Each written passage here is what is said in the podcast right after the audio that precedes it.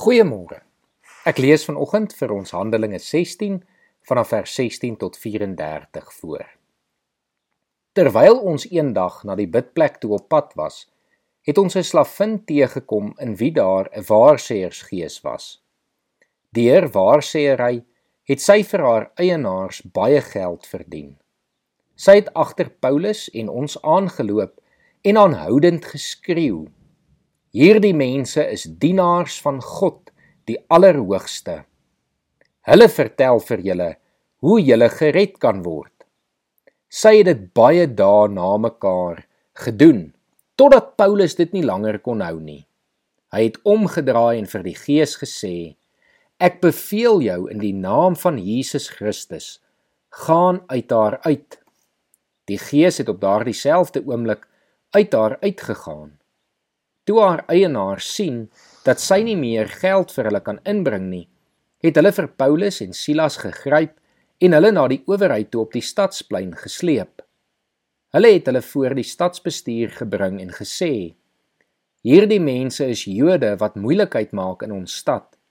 Hulle wil vir ons gebruike leer wat ons as Romeine nie kan aanvaar of navolg nie. Die skare het ook teen hulle gekant geraak. Die stadsbestuur het toe hulle klere van hulle laat afskeer en beveel dat hulle lyfstraf moet kry. Nadat hulle baie geslaan is, is hulle in die tronk gegooi en die bewaarder het opdrag gekry om hulle streng te bewaak.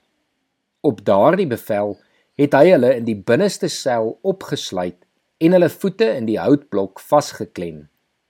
Teen middernag was Paulus en Silas besig om te bid en tot lof van God te sing. Die ander gevangenes het na hulle geluister. Skielik kom daar 'n groot aardbewing wat die fondamente van die tronk geskit het.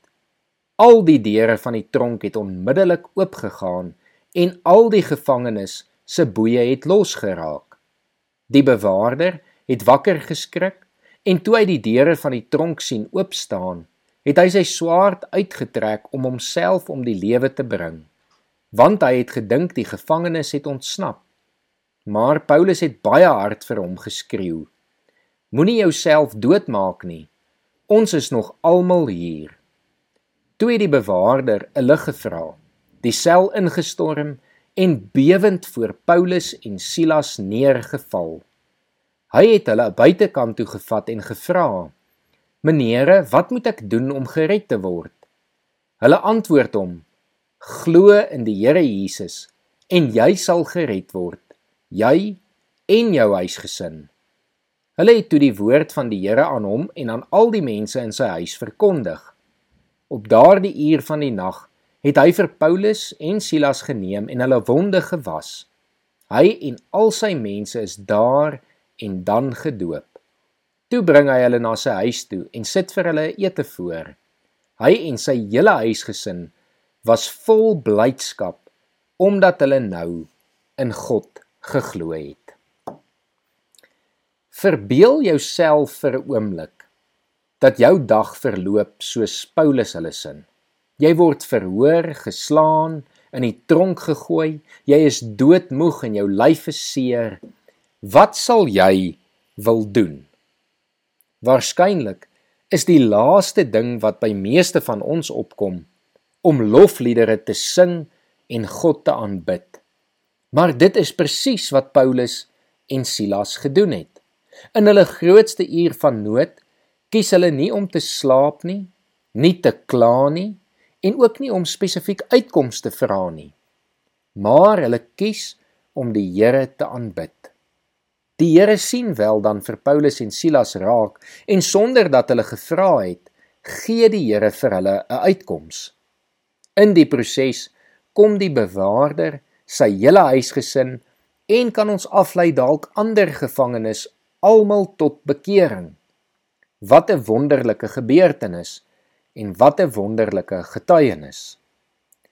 Mag jy ook vandag kies om God te aanbid ten spyte van jou omstandighede en mag jy dan die Here vertrou om in jou en deur jou te werk.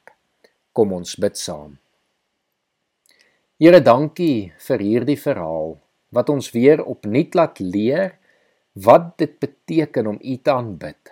Here, ons weet dat ons nie in hierdie wêreld gevrywaar word van slegte gebeurtenisse nie.